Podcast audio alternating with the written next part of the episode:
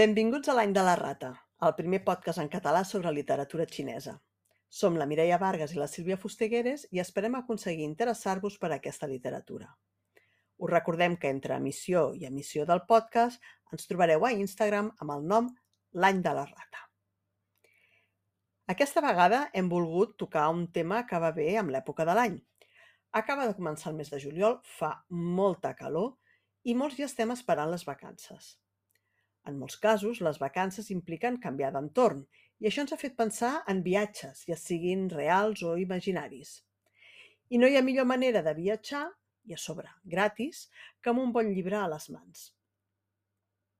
Per això avui us volem parlar de llibres que d'una manera o altra ens han fet viatjar. Veureu que ens ha quedat una barreja molt curiosa amb llibres molt diversos. Tot i això, també veureu que alguns tenen una certa connexió entre ells. I no tots us portaran a la Xina, oi que no, Mireia? Exacte, perquè hi haurà llibres que ens faran voltar per l'Àsia Oriental, però també anirem fins al Sàhara Occidental i les Canàries. Amb això ja us hem fet un petit spoiler d'una de, de, de les autores que tractarem avui. Aquest episodi, ja ho veureu, serà una mica diferent dels dos anteriors perquè no entrarem tant en les biografies dels autors, perquè el que volem és sobretot explicar-vos perquè aquests llibres ens han fet viatjar a la, tant a la Sílvia com a mi. O sigui que prepareu les maletes i comencem.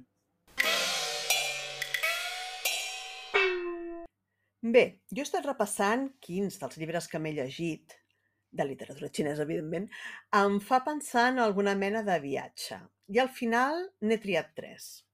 Un per anar a Taiwan, un altre per fer un viatge mental i un per viatjar en el temps.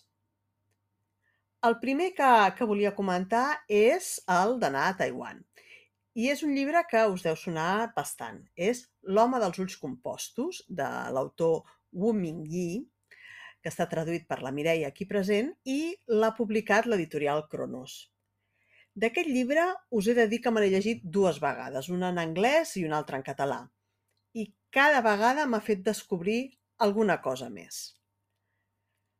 Jo crec que és molt possible que ja n'hàgiu sentit a parlar, perquè ha voltat bastant, per exemple, per Instagram. O sigui que no m'estendré gaire en, en arguments i trames i històries perquè hi ha ressenyes ja prou bones. El que sí que us diré és que és un mosaic d'històries que s'entrellacen, i s'entrellacen per mostrar-nos temes molt diversos, amb l'ecologisme i el canvi climàtic de taló de fons, que tenen una presència molt important però també hi ha la pèrdua, hi ha el dol, hi ha la companyonia entre coneguts i desconeguts i per sobre de tot hi ha la defensa i la difusió dels pobles aborígens de Taiwan, que solen passar desapercebuts a l'ombra de la presència xinesa. És un llibre que toca, com podeu veure, molts temes, o sigui que és fàcil que una part us agradi més que l'altra o que tingueu més simpatia per un o altre personatge. Ah, i us donaré una informació de servei. El llibre està dividit en blocs i al principi de cadascun hi ha una il·lustració, totes molt boniques, i una cosa que la majoria no sabreu què és. Us dic que semblen ratlles, però en realitat són els números en xinès. Això ho podeu veure especialment amb els tres primers blocs perquè 1 és una ratlla horitzontal, el 2 són dues ratlles horitzontals i el 3 són tres ratlles horitzontals. A partir d'aquí ja la cosa es complica. Mireia, um, Quin llibre hi ha més o menys relacionat, relacionat amb això que, que ens hagis portat? Doncs jo el primer llibre, bueno, el primer bloc de llibres que us he portat, no, per relacionar amb aquest L'home dels ulls compostos, eh, seria la trilogia de la Sant Mao, que d'alguna manera s'hi relacionen perquè tots dos són autors taiwanesos i a més a més són autors que eh, potser sobretot en el, en el cas de la Sant Mao van molt més enllà de, de Taiwan però amb Humingyi també ens hi trobem, eh? No us trobareu un llibre que passa només a Taiwan, sinó que us farà viatjar realment per, per tots els oceans, eh? com, com veureu si, si el llegiu. Entrant ja en, en aquesta trilogia que us comentava de la, de la Sant Mao, realment jo podria estar-me hores eh, parlant d'ella, perquè, com molts sabeu, és la primera autora que vaig traduir i li tinc un carinyo molt, molt especial. A més a més, és una autora que té una vida com molt fascinant i per això en aquest cas sí que us vull fer una breu pinzellada perquè realment la seva vida està molt relacionada amb la seva obra. Ella va néixer el 1943 a Chongqing, a, la Xina continental, i el 1949, eh, que va ser quan Mao Zedong va guanyar la Guerra Civil i Chiang Kai-shek i tots els seus seguidors van exiliar-se a Taiwan, la seva família i ella mateixa també van anar cap a Taiwan, o sigui que des dels sis anys que ja va viure a Taiwan. D'aquí ve una mica una disputa ja, perquè tant Xina com Taiwan es disputen no, la, la nacionalitat uh, d'ella, malgrat que ella va viure la gran part de la seva vida a Taiwan. El 1967 va viatjar per primer cop a, a Madrid, a Espanya, i va anar per aprendre castellà, llavors se'n van tornar a Taiwan, va estar viatjant per Europa, va estar a punt de casar-se, però fixeu-vos ja quin detall, eh? el dia abans del casament el seu nòvio um, alemany es va morir. O sigui, això ja la va deixar molt trasbalsada, tant que el 1972 eh, va tornar a Espanya perquè ja havia allà conegut a, un noi, el José, que en aquell moment, quan ell el va conèixer, era molt jove, ara ja s'havia fet més gran, i eh, van començar doncs, una relació, es van casar i llavors el José, com que sabia que la il·lusió de la Sant Mao era anar al Sàhara, eh, i ell era bussejador professional, submarinista professional, va demanar que el traslladessin al Sàhara Occidental perquè la Mau pogués complir el seu somni de viure allà. No? I llavors se'n van tots dos al Sàhara i escrivint des del Sàhara és des d'on la Sant Mau es fa famosa perquè ella anava enviant els seus relats a l'editorial, a una revista taiwanesa i la gent flipava amb les coses que, que li passaven. Quan hi va haver la Marxa Verda es van exiliar a les Canàries, on va haver-hi la tràgica mort del, del José, això no, no és cap spoiler perquè ho trobareu de seguida si us poseu a llegir els seus llibres, i llavors això va fer que ella tornés a Taiwan, però com que ella s'havia fet famosa, sobretot amb aquestes aventures no, dels viatges, eh, la van convidar a viatjar per Llatinoamèrica, realment va fer molts viatges i va tenir molta, va ser una autora de, de força literatura de, de viatges. Va morir el 1991 diuen que es va suïcidar, però ja veieu, dic diuen perquè també hi ha rumors eh, al voltant de la seva mort, o sigui que bueno, és una autora, ja veieu, que una vida molt, molt carismàtica i que us la trobareu en els llibres que tenim traduïts. Uh, tots els ha publicat l'editorial Rata, del segell de l'Enciclopèdia Catalana, i els van publicar alhora en català i castellà.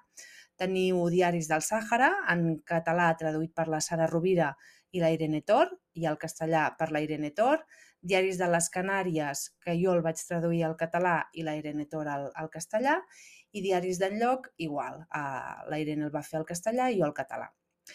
Um, a Sant Mao, és una, a la Sant Mao molts cops no saben on posar-la a les llibreries, perquè per alguns, bueno, una mica això que us comentava, eh? la seva vida ha impregnat molt la seva obra i per, per alguns és autobiografia i la trobareu a la secció de biografies, però per molts és literatura de viatges i per això l'hem portat avui aquí. En canvi, d'altres ja la situen directament en la ficció, perquè hi ha coses que explica que realment ja superen no? l'autoficció la, la, que diríem ara. Però bueno, ja veureu, si la llegiu, que els viatges hi tenen un pes molt important i en els tres llibres que tenim traduïts al català és així. I a més a més, per a un lector actual que llegeix aquestes obres més de 40 anys més tard que es publiquessin, jo crec que és un viatge especial, perquè de la mà de la Sant Mao recorrerà el Sàhara, les Canàries, Madrid, Segovia, Europa, és a dir, molts llocs i alguns indrets de Taiwan també dels anys 70-80. Per tant, jo crec que hi ha un punt de, de tornar un passat recent i si sou nostàlgics i ja teniu certa edat, llegir-la també serà un viatge bonic doncs, a la vostra infància o, o joventut. El meu consell, us hem parlat de tres llibres, és que la llegiu per ordre, um, perquè realment Sàhara, Canàries i Diaris del lloc en, en tercer lloc, um, és, és l'ordre una mica lògic, i també us aviso que el tercer és el més introspectiu i potser el que té menys part de viatges i aventures, però el meu consell és que també li doneu una oportunitat, perquè és el que us portarà a Barcelona. No? I això ja, ja uh, fa gràcia veure com la Sant Mau um, va veure Barcelona, no? la seva mirada. Els altres dos, el Diaris del Sàhara i Diaris de les Canàries, jo crec que són perfectes per una lectura d'estiu perquè tenen un estil molt fresc i trobareu viatges, anècdotes, una bona dosi d'amor romàntic, sí, això també us avisem, xafarderies, costums de l'època, aventures, mm, i descobrireu una autora que ha sigut molt inspiradora per moltes generacions de dones, tant a Taiwan com a la Xina. I jo només us dic que moltes de les estudiants que he tingut que venien aquí a fer cursos de traducció havien après castellà perquè eren admiradores de la San Mao. O sigui que realment va tenir una, una influència molt gran. Sílvia, què, què diries tu de la San Mao? Jo la San Mao diria una mica el que estàs dient ara, no? que, que va tenir molta influència a, a Taiwan. Perquè al final, ara, si us plau, no m'apedregueu, és una mica com quan el Mikimoto, Miquel Calçada, perdó, feia el personatge aquest no? que anava, Sí, anava pel món visitant catalans, no? És a dir, uh, igual que el, que el Mikimoto, sento, em surt això, però és que jo tinc una edat i el vaig conèixer en Mikimoto, no? Com, igual que el Mikimoto doncs, ens portava una mica de, de, de, de, del que hi havia en aquells països, sí, ella, so, clar, per exemple, amb el, amb el de les Canàries, doncs, a mi no m'aporta tant com pot aportar algú que ho llegeix des de l'altra punta del món, o, o el del Sàhara. Aleshores, clar, ella anava enviant aquestes peces a, a casa seva ho llegien i, ostres, allò era un gran hit perquè era algú del teu poble que està fora, més en un moment perquè clar, estem parlant de fa més de 50 anys, amb Mm. la tonteria, eh? Era un moment en què la gent tampoc viatjava tant. Aleshores, jo crec que allà va ser algú doncs, molt estimat o molt, molt present. A mi, doncs clar, en aquest sentit no m'aporta tant. Jo m'he llegit els dos primers, el del Sàhara i el de les Canàries. I sí que hi ha la cosa aquesta romàntica, no romàntica en pagalós tampoc, però sí que, bueno, té molta presència, l'amor que té, bueno, a veure, es va casar amb, amb, aquest noi, se'n va anar a viure al Sàhara amb ell, vull dir, aviam, no? Eh, però a mi em va agradar molt, bueno, em va agradar bastant, val? El, el del Sàhara, sí. perquè més parla d'una època que jo això no ho vaig estudiar al col·le, era relativament recent i no estaven els, allò ningú t'explica del Sàhara eh, Occidental, ni si van, ni si venen, ni si tal, no? I aleshores en aquest sentit em va agradar molt, realment és, és literatura de viatge, en Sí. aquest sentit. sí. Em falta el tercer, aquest ja no ho sé, però sobretot el primer és literatura de viatge. La tia se'n va allà baix, clar, imagineu-vos una xinesa, taiwanès, el que vulgueu, però saps? Algú que és realment molt diferent, perduda allà al mig, amb una caseta d'aquelles de, de fusta, d'adobe o de, com es digui el material, amb els veïns locals, bueno, era una cosa com molt tremenda, no? Sí. Potser és el que... El de les Canàries també és maco, eh? També t'hi porta. Però el del Sàhara és, és curiós, no sé. Sí, llavors, per exemple, també en té molts que són, no, no estan traduïts, eh? però els dels Mhm. viatges a Llatinoamèrica, que ja Mhm. nosaltres no ens aport... Aquests ja sí que realment no ens aportarien gaire perquè són mm, molt descriptius de, vale, doncs Perú té aquesta extensió, té aquest nombre d'habitants i llavors és com molt descripció realment de, de viatge, no tant la part novel·lada, no? Potser que és la que llavors fa que et vagis enganxant, no? A les aventuretes que et va explicant, l'anècdota de quan ella es va treure el carnet de conduir al Sàhara, de quan tothom anava a dinar a casa seva, de les dèries que tenia. Vull dir que al final jo crec que t'acabes enganxant també al, al personatge que ella va crear, no? que era un personatge molt, molt magnètic. Bueno, ja, Sí. ja us hem avisat que donava moltes sí, la setmana. Sí, no, no, és un personatge molt curiós, vull dir, realment, eh, de vegades tenim la imatge no, de que la literatura xinesa, i quan dic xinesa vull dir escrita en xinès, vull dir, sigui de la Xina continental, de Taiwan, de Singapur, de Malàisia, fins i tot s'escriu en molts llocs, eh, de vegades tenim aquesta visió com a exòtica d'aquestes coses, no? com escriu una mica el Moyen, no? Sí. que és el que ha arribat més, però en realitat hi ha gent que fa coses com molt innovadores, molt diferents i sobretot si llegiu la Sant Mau penseu que això està escrit fa molt de temps i que la tia era una visionària, vull dir, Sí. és, és, és això, és el personatge, no? Sí. I, I, bueno, la Samao en realitat el que va fer és una cosa que surt en el títol del llibre següent que volem comentar, que es diu Viaje a l'Oeste. És possible que n'hàgiu sentit a parlar. Jo, de fet, crec que hi ha algú de la, de la gent amb qui em parlo per Instagram que el coneix. I és, és que és un llibre que és, que és la bomba. Es diu, com he dit, Viaje a l'Oeste. L'autor és Wu Chenggen. I és, eh, el, el, llibre, el, el nom del llibre no enganya, no? Explica el viatge a les terres de la Índia que fa un monjo budista que es diu Xuanzang, amb tres deixebles que s'encarreguen de lluitar contra les adversitats que se'ls presenten. Una mica Quijote. Vale? Aquest senyor és més centrat que el Quijote, però la idea és aquesta. No?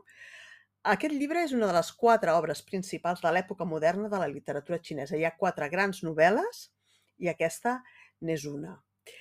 I tot i que es tracta d'una obra realment voluminosa i llarga, perquè estem parlant de... crec que són 2.200 pàgines, o sí, per sobre de 2.000 pàgines, Um, si us agraden les novel·les d'aventures fantàstiques, no s'us farà gens pesada, perquè no són capítols massa llargs i està bé. Us en faig, res, quatre cèntims perquè és un llibre que ha tingut molta influència, vale? i que, com en diuen allò de que l'ombra és allargada, doncs l'ombra d'aquest llibre és molt allargada. Els protagonistes són, eh, sobretot, tres. El que ja us he dit, que és el monjo, un que es diu Sun Wukong, aneu preparant les orelles, i un que es diu Jupatje. Tot i que l'element principal és el monjo, que rep l'encàrrec de l'emperador xinès d'anar a demanar a Buda les escriptures sagrades, la missió és aquesta, jo crec que els dos personatges amb més pes i que es poden ser més familiars són els altres dos. És a dir, el monjo és l'excusa. Pels altres dos, pel que fa... Per una banda tenim el Sun Wukong, que també rep el nom de el rei Miku, i és el més valent i més poderós d'aquesta història. És un mico engendrat, val, entre cometes, pel cel i la terra. És d'una naturalesa pràcticament divina, que té poders sobrenaturals i, i amb aquests poders pot fer front a tots els monstres que amenacen el seu mestre. És un personatge, i aquí ve la, la, la cosa, que se n'han fet moltes sèries i pel·lícules. Per exemple, quan jo era petita, juraria, el que era molt petita, juraria que n'hi havia una que era feta amb ombres xineses i que es deia El rei Mico. Val? Però, de fet, el personatge més famós inspirat en, en aquest rei Miku és un que segurament coneixeu tots, ni que sigui d'oïdes. I és que es diu Son Goku. És el protagonista de Bola de Drac i per això, de petit, té una cua de mico, si us en recordeu, fins que la perd ara no recordo com. Eh, el Son Goku nen té cua de mico. Per l'altra banda, tenim en eh, Zhu Patje, aquest originalment era un habitant del cel, vale? una cosa celeste, però no es va comportar com tocava, el van expulsar i es va veure obligat a convertir-se en un monstre. Aquest monstre, entre cometes, té forma de porc i, es, i, i va haver d'anar a viure a la Terra. Aleshores, és un personatge superegoista que només pensa a menjar i a descansar i és la font d'inspiració d'un altre personatge de Bola de Drac. Pista, i us donaré dos segons perquè ho penseu. És de les primeres temporades. Us dono dos segons. No us ve al cap? Un que és tirant egoista, tal, val. Sí, algú pot ser que li hagi vingut al cap. És el que en diuen Ulung. I jo el recordo, fa molt temps, eh, però jo el recordo vestit de verd militar i amb una gorra amb una estrella vermella així comunista. Em sembla que era aquest. I és un porc, i també és el mateix. És egoista, no sé què, va a la seva bola, etc. Una cosa que també us volia dir és que sembla que les històries que apareixen en aquesta novel·la tenen un origen popular o que són d'autors que no ens han arribat. I que Wu Chang'an, el que consta com a autor del llibre, podria haver-se limitat que, que no és poc perquè la, la feina és important, a donar forma i estructura a aquestes històries i rondalles, no? que en realitat envolten la figura de Sun Wukong que és molt conegut i té molta presència en la literatura, literatura xinesa. I ara, a risc de, de, de, de, de, de, de, de ficar la pota, diria que la cosa aquesta de, de com aglomerar històries diverses, algunes amb, amb arrels, diguéssim, tradicionals o, saps, de la cultura popular, diria que en certa manera, en certa manera, salvant totes les distàncies del món, podria portar-nos a pensar en històries com l'Odissea, que també acumulen, en alguns casos, acumulen tradicions anteriors, etc, tot i que consti el nom d'una persona que, que els hi ha donat forma. Però vaja, en resum, si us agraden les aventures fantàstiques amb éssers voladors, dracs similars que es barallen mentre volen, segresten sense parar en els bons del llibre, aquest llibre us agradarà molt. I si creieu que les 2.000 pàgines de la versió original se'ls poden fer bola, podeu provar amb una versió en còmic que es diu El rei mono. El nom no enganya, tampoc. Teniu totes les dades a la web del Chiclite, és aquest recurs que ja us hem comentat en altres ocasions, i us deixarem la referència a la descripció de l'Spotify i al nostre Instagram. Mireia, i ja... A veure, abans de, Quin és el teu de següent parlar-vos del següent, jo confesso que no l'he llegit, eh? Viatge a l'Oest, i és un dels grans pendents, però estic esperant que muntem alguna lectura conjunta que m'engresqui una mica, perquè tantes pàgines eh, sola no sé si, si abandonaria a la meitat i, i em fa una mica de por, perquè a veure, és un llibre que crec que s'ha de llegir, perquè llavors són, surten tantes referències, no? Vull dir, les quatre grans novel·les de la Xina han permeat tant no en la literatura posterior que són, són importants i, i val la pena. I, de fet, jo crec que aquest llibre ha influït en el que us porto ara, que es diu Un zoo en el fin del mundo, de Mapo Yong, amb traducció d'Anelen Suárez. Aquest llibre és, és curiós, val? jo el definiria com una aposta arriscada de l'editorial Destino, perquè realment és un llibre amb una història i un ritme bastant diferents als que estem acostumats i, per tant, jo crec que si l'agafeu heu d'anar previnguts en aquest sentit. No hi trobareu una història trepidant. Uh, en canvi, trobareu una narració pausada, d'acord, d'un viatge èpic d'un missioner, en Morgan Calloway, que decideix comprar els animals d'un zoo que havien de desmantellar a Pequín i endur-se'ls a, Chefeng, un llogaret remot a Mongòlia. Val? Per tant, també tenim, no, com en el cas del viatge a l'oest, tenim exactament el mateix. Eh? Un viatge a l'oest, però en comptes d'anar-se'n cap a les arrels del budisme, en aquest cas van cap al nord, eh? al, al, al oest, però cap al nord. L'objectiu final d'aquest missioner, el Morgan Calloway, que se'n va amb tots els animals que ha salvat del, del zoo eh, i d'emportar-se'ls cap a, cap a Chifeng, és que el, zoo, el zoo serveixi de reclam per evangelitzar els vilatans de la zona. Per tant, fixeu-vos, no? És, era un missioner que no havia tingut gaire èxit no? a, a Pequín, on estava, i va pensar que això era una idea brillant. Llavors, bueno, um, el llibre no us va explicant totes aquestes aventuretes que van passant. I per això no us pot fer viatjar aquest llibre, perquè d'una banda tindreu tot el viatge cap a Mongòlia interior, la descripció dels paisatges, pobles, costums de la zona, que a més a més en aquest llibre trobareu moltes notes de la traductora perquè realment hi ha moltes referències a això, eh, als paisatges més de Mongòlia interior, hi ha molts eh, aspectes religiosos no, que també es van relacionant amb, amb, amb l'obra.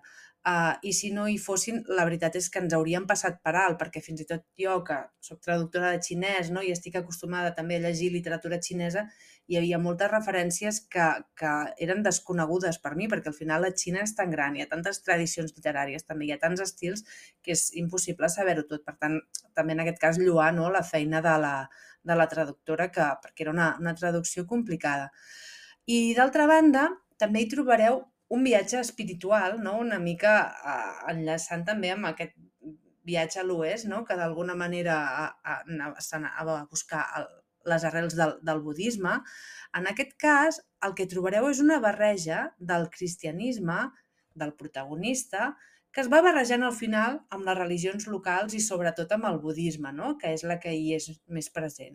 I per tant doncs, van sorgint tot de, tot de referències al, al budisme també, als déus del budisme, i, i jo hi veig molt clar no? aquest eco no? de, de viatge a l'oest.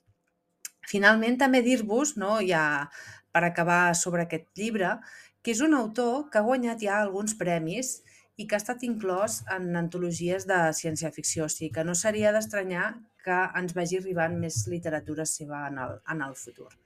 Tu no l'has llegit, aquest, Sílvia? No, jo aquest encara no, però bé, de fet confesso que vaig començar a llegir una mostra i no m'entusiasmava, però ara veient el que n'expliques tu, igual sí que m'hi animo, perquè sí que és veritat que sembla que tingui relació amb el viatge a l'oeste, que a mi sí que em va agradar. Lectura conjunta quan vulguis, el podria rellegir. Um, I sí, sembla, sembla, sembla curiós. Home, ni que sigui per veure no, la part aquesta de Sí, jo crec que val la pena això, no? Per sortir una mica de, de la literatura potser més, okay. més mainstream, més coneguda, no? I mm. a mi em va, em va cridar l'atenció sobre tot això, eh? També és un llibre, també Llavors, avui hi pensava, també es pot establir fàcilment connexions, per exemple, amb l'home dels ulls compostos, en el sentit de, de que els animals agafen molt de protagonisme, no? En l'home dels ulls compostos tenim una sèrie d'animals no? que apareixen com de manera simbòlica i que tenen com un pes important en la novel·la, Sí. i aquí també, perquè els animals que aquest missioner s'emporta, doncs cadascun va agafant un rol, i també és, bueno, jo crec que, que és, és, és curiós, no? I és, és un llibre diferent.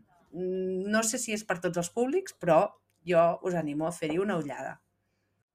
请按照视频将身份证和车票叠在一起，车票在上面，票面朝上，二维码朝前，推到底部。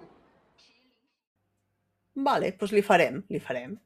Li farem perquè jo, com podeu veure per la meva tria, mm, tiro més de clàssics i, de fet, tancaré la llista amb, amb dos llibres que per mi són imprescindibles però que són de principis del segle XX, vull dir, centenaris ja, no? O quasi. Uh, són dos que són d'un mateix autor, l'autor es diu Lauscher. Um, alguna vegada a Instagram us dono la tabarra amb aquest perquè va escriure moltes coses que estaven, que estaven molt bé. És un dels grans autors de la primera meitat del, del segle XX i els dos llibres que he triat per avui són La casa de te i jo en dic El Camelo, el Camello Xiangzi, però la, el, el nom sencer és La verdadera història del Camello Xiangzi. Vale? Els he triat perquè ens porten directament a les tripes de la capital de la Xina, a principis del segle XX. Val? Uh, I és que aquest autor era especialista a retratar l'ambient de barri del Pequín de la seva època, o sigui que podeu llegir-vos aquests llibres i sentir com si fóssiu allà. Per exemple, si parlem de la verdadera història del camello Xiangzi, veiem el retrat d'aquest personatge, de que es diu Xiangzi, que és un home que es dedica a arrossegar rickshaws, no sé això en català com es diu, aquells, aquells carros que van ells a peu i, i tu vas assegut al darrere i ells van, van tibant. És un personatge prototípic, vale? i fa el cicle aquest de pobresa, ascensió, pèrdua, i a més a més aquest llibre ens ofereix un retrat de la dècada concretament del 1920. De fet, aquest llibre us el podeu llegir amb el Google Maps al costat per veure per on es passegen els personatges, perquè cita explícitament a alguns llocs que són molt coneguts. Si heu estat a Pequín, segur que els coneixeu, i si no, també us val la pena perquè així ho coneixereu també, perquè, per exemple, parla de la part posterior de la ciutat prohibida, parla de, de zones molt concretes, no? que de Xitian o Xijirman, que són barris o, o punts de la ciutat que són bastant, bastant coneguts. En canvi, si en vez de, de tota aquesta cosa, no? d'aquest paio que va arrossegant i tal, us fa més gràcia veure l'evolució de la Xina mentre us preneu un te, podeu llegir-vos La Casa de Té, com el nom indica. És, en realitat, és una obra de teatre que té tres actes. I a través d'aquests tres actes, l'Auxem retrata tres moments de la història de la Xina del segle XX. Veureu que hi passen un munt de personatges, podreu entreveure les relacions socials de l'època, no? entre classes socials diferents, i en aquest cas no cal que agafeu cap mapa perquè tot passa dins d'una, diguem-ne, tateria, que són uns locals típics de la Xina que podríem pel que fa a la funció social, podríem comparar-los amb els cafès o els casinos de, de barri o de, o de pobles de casa nostra. No? Són locals on tothom es coneix, es parla de tot i no hi ha pressa per, per la vida. I fins aquí jo. Ja no m'hi vull allargar més perquè també podria estar molta estona parlant-la, però crec que la Mireia té preparada també alguna última coseta. Sí, doncs jo l'última autora que també us volia comentar avui és una autora que va ser coetània amb Lausser, tot i que ella va néixer una mica més tard i la veritat va tenir també una vida ben, ben diferent. En xinès Zhang Ailing, tot i que es va occidentalitzar el nom per fer-se dir Ailing Chang, i va tenir una vida que en si mateixa ja és digna de pel·lícula. Bueno, hem començat amb la San Mao abans i la Zhang Ailing o Ailing Chang no, no es queda curta tampoc. Va néixer a Shanghai, filla d'una família de classe alta, llavors se'n va anar a viure a Hong Kong, després de l'ocupació japonesa va tornar a Shanghai, llavors va estar com vivint al, a cavall de les dues ciutats fins que el 1955 se'n va anar als Estats Units i ja es va quedar allà com a escriptora de, de la diàspora, podríem dir. És una autora molt, molt coneguda a la, a la Xina també, m'agrada moltíssim, també a, a, a Taiwan, a, a Hong Kong, el, a, és una autora sovint, no? quan es parla de literatura contemporània, el seu nom surt com un dels més importants. Um, tenim dos llibres seus traduïts que també van sortir en paral·lel en català i castellà i que en els dos casos són de, han estat traduïts per molt bones traductores. Al català l'ha traduït la Carla Benet, que va ser Premi Marcela de Juan, justament per, per un d'aquests llibres i publicats tots dos per Club Editor, i en castellà Anelén Suárez, que ja també us n'hem parlat, i publicat per Libros de l'Asteroide.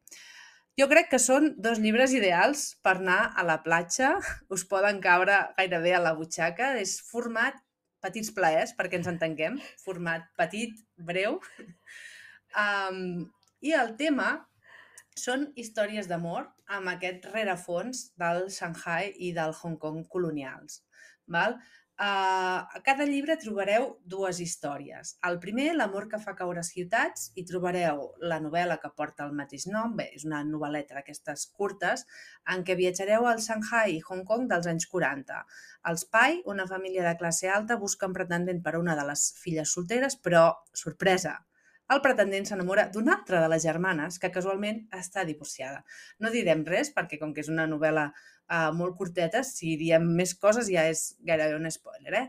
Llavors, en aquest, en aquest volum també trobareu el conte Setge, que descriu una escena en un tramvia que queda bloquejat al carrer enmig d'un avís d'un bombardeig. Aquest sí que té com una referència més, més clara al, al període de guerres no? en què escrivia la, la Zhang Ailing.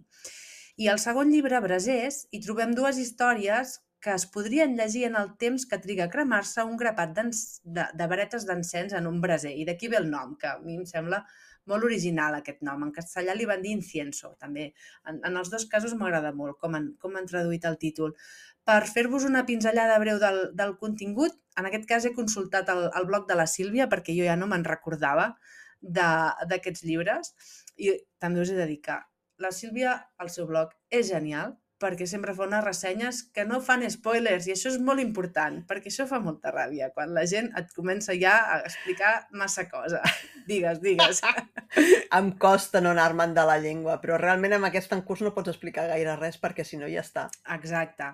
O sigui que molt breument, eh, la primera història d'aquests brasers ens porta a la Ge Wei Long, una noia de Shanghai que viu a Hong Kong, um, i se'n va viure a casa d'una tieta seva que només pensa fer recepcions i festes i conèixer gent. Llavors el que trobarem és que al llarg de la història això acaba influint en la vida de la Wei Long, que s'emplica en un món que no és el d'ella, no? l'està una mica desubicada.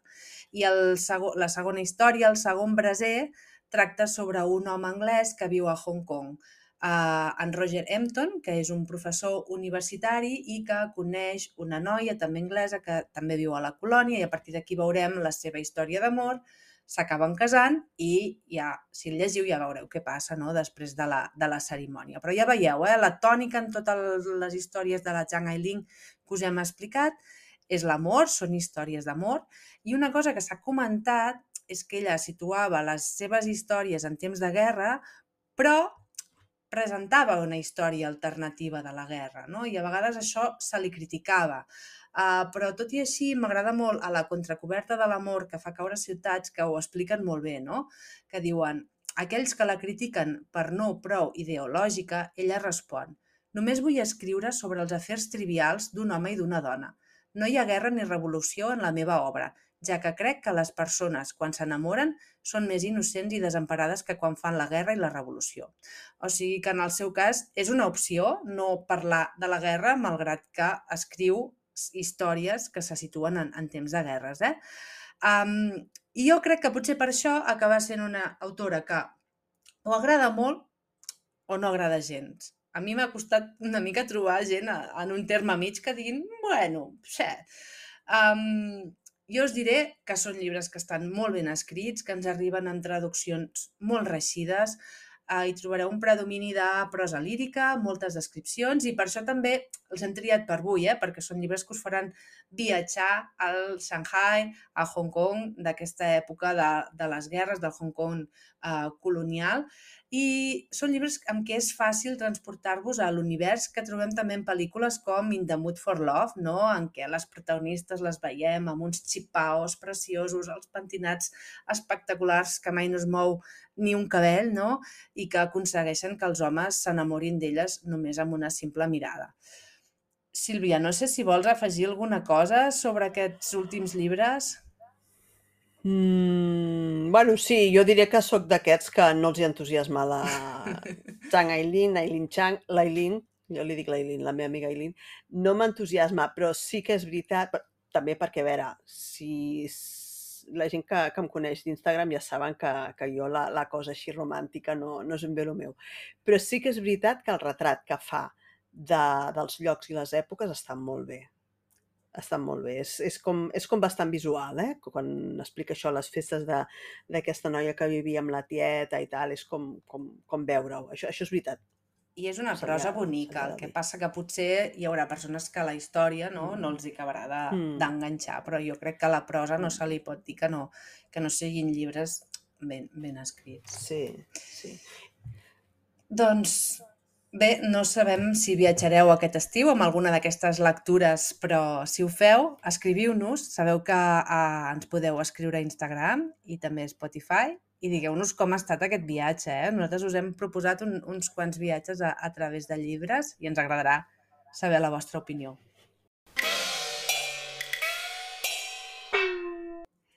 I com sempre, no hem acabat, encara ens falta acabar amb la secció ràpida de notícies, efemèrides, curiositats, no? I en aquest cas us portem tres notícies. La primera és que al juliol el, hi haurà un recital de poesia de la Paloma Chen a l'Art Santa Mònica. De la Paloma Chen és de les és l'única, diria jo, autora de la diàspora que tenim activa actualment eh, aquí al, al nostre país i és una poeta eh, que, mm, filla d'una família xinesa, d'acord? I que escriu no, molt sobre aquesta eh, sensació, aquesta identitat mm, bicultural o aquest, aquests ta- sentiments que li genera no? eh, ser xinesa però alhora sentir-se espanyola i, i, i viure aquí. No? Llavors, presentarà una exposició interactiva a l'Art Santa Mònica, podeu buscar mm, la data per, per internet, la trobareu fàcilment i pensem que pot ser una activitat interessant. Hmm. Sí, podríem anar, no? La Sílvia i jo crec que hi anirem. Sí. Si ens voleu conèixer, Sí. allà estarem. Ho hem, acabat, ho hem d'acabar de lligar, però, però sí, si ens posem d'acord ja, ja us direm quan hi anem o no. Uh, jo per part meva volia afegir una cosa que segurament ja, ja heu vist por ahí, um, i és que uh, L'home dels ulls compostos, un dels llibres dels quals hem parlat avui, que com deia eh, és traduït per la Mireia i ha publicat l'editorial Cronos, ha passat a la llista de finalistes del Premi de Traducció del PEN català. Amb aquest certamen, el PEN català reconeix la qualitat d'una traducció i atorga el premi al traductor, que aquest any segur que serà una traductora, perquè les quatre finalistes són dones. Si teniu curiositat, el dia 13 de setembre, en el marc de la Setmana del Llibre en Català, les quatre candidates defensaran el seu llibre en un acte públic. I el premi es farà públic el dia 30 de setembre, que precisament és el dia del traductor.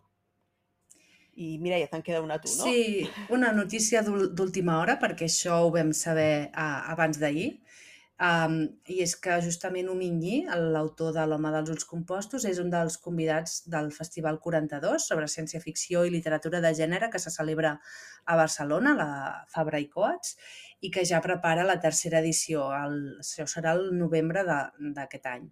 Estem contentes, estem molt contentes perquè bueno, el podrem Mhm. conèixer en primer lloc per això i sobretot perquè és una manera d'apropar-nos a aquest autor i de visibilitzar la bona literatura escrita en llengua xinesa que està arribant a casa nostra, no? I si això serveix doncs, perquè més editorials s'animin a traduir del xinès, doncs encara més contentes.